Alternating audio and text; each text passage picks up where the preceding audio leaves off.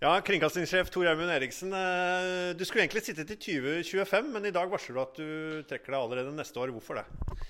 Nei, nå er det jo sånn at eh, jeg har jo sittet et fullt åremål da, før, eh, før dette ble fornya for fire år siden og begynte å, å løpe for snart tre år siden. Eh, nei, vet du hva, jeg har elska denne jobben hver eneste dag. Det er en helt fantastisk oppgave. Oppdraget som NRK har, det, det er noe av det fineste jeg vet om.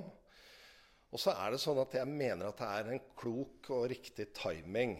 Eh, som sagt, om, om en fire måneder eller noe sånt, så går jeg inn i det tiende året. Eh, vi står i store prosesser rundt flytting og litt sånne ting. Og da tenker jeg at det er veldig bra om en ny leder får etablert seg, etablert seg ordentlig. Kjenner organisasjonen, kjenner folka her, før man går inn i en, en mer sånn kritisk fase hvor organisasjonen skal involveres for flytting og sånn.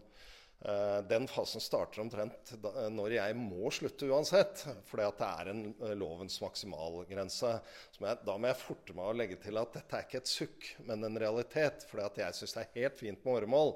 Men det gjorde at det var naturlig for meg å tenke eh, på det nå. Så det er ikke sånn at du nå skal pakke ned i pappesker, og så skal en ny sjef pakke eh, ut av pappeskene på Ensjø? Nei, sånn er det ikke. Eh, Jeg er jo veldig fornøyd med den prosessen. Eh, Vi har holdt på noen år. Eh, Vi har fått fullmakter fra eier. Vi har solgt Marienlyst. Vi har kjøpt en helt fantastisk tomt på Ensjø. Utgangspunktet for denne prosessen var at vi hadde et stort problem og ingen penger. Nå er, er prosjektet veldig, veldig, kommet veldig langt. Men nå kommer man inn i en fase der man etter hvert skal begynne å bygge. Og de neste to årene er rolig i det prosessen, fordi det er regulering og sånn. Så, så det er en god timing. I, etter at du kjøpte tomten på Ensjø, har vi fått en ny regjering med Senterpartiet. Du er ikke redd for at du får en eh, marsjordre til Groruddalen eh, litt senere denne uka? Nei, altså for det første så som NRK-sjef så har jeg i hvert fall lært meg at jeg ikke skal foregripe politiske valg og beslutninger og sånn. Dette er jo en beslutning som er veldig godt forankret og, og på mange måter langt i gjennomføringen. Så jeg har respekt for politiske prosesser, men vi jobber etter de mandatene og de vedtakene vi har til enhver tid. Du har noen gamle kjenninger bak deg her, Tor Gjermund. Eh, Du har sittet vel så lenge som mange av de. Hvem er det du ikke har sittet lenger enn?